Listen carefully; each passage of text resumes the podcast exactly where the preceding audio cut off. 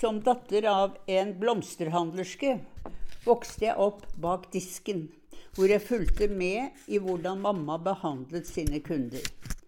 Der var Jørgen hattemaker og kong Salomo, gutta fra Borgård og generaldirektørens hustru.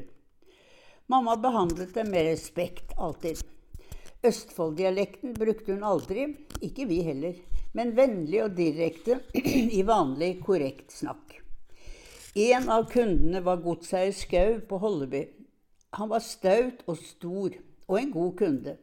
Og en av disse herrene som mamma hadde sans for. Og omvendt. En dag skulle han skrive en hilsen med buketten han ville sende. Skrivepulten var klassisk, stolen også. En trestol med armstøtter og skinnsete. Den digre godseier satte seg ned, og stolen brakk. Der lå en hel godseier på gulvet med hele seg i treverket og hadde mistet all verdighet. Jeg glemmer aldri hvordan min mor bare veltet seg over disken og brakk seg av latter. Mamma var ingen skøyer, men hadde stor sans for humor og komikk, særlig ufrivillig komikk. Jeg tror nok godseieren kom seg opp. Han var ikke pompøs, og han forble en god kunde.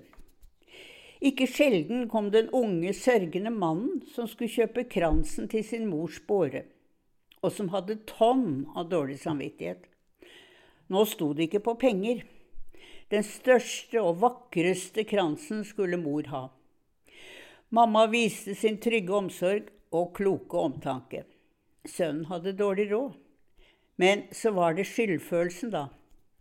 Mamma ga ham en krans som ble den vakreste men også billigere. Mamma kunne sitt fag, bandt en krans av kjærlighet, og sønnen gikk stolt og trygg ut av butikken med sin sorg.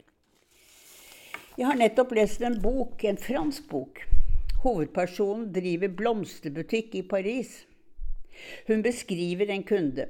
Han var en ektemann som ville sende en stor bukett roser til sin hustru, men anonymt. Han ville nemlig teste sin kone. Han mistenkte henne for å ha en elsker.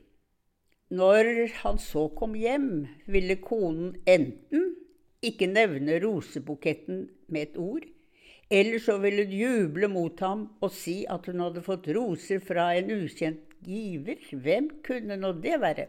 Nettopp. Hun ville avsløre seg som trofast eller utro. Min mamma har aldri fortalt meg om en slik snedig taktikk hos sine kunder. Ikke min søster heller, som overtok forretningen. Begge hadde i alle år voksne menn som sendte roser hjem til sine koner. Som i Sarpsborg, som i Sarpsborg, som i Paris. Kjærlighetens veier er uransakelig.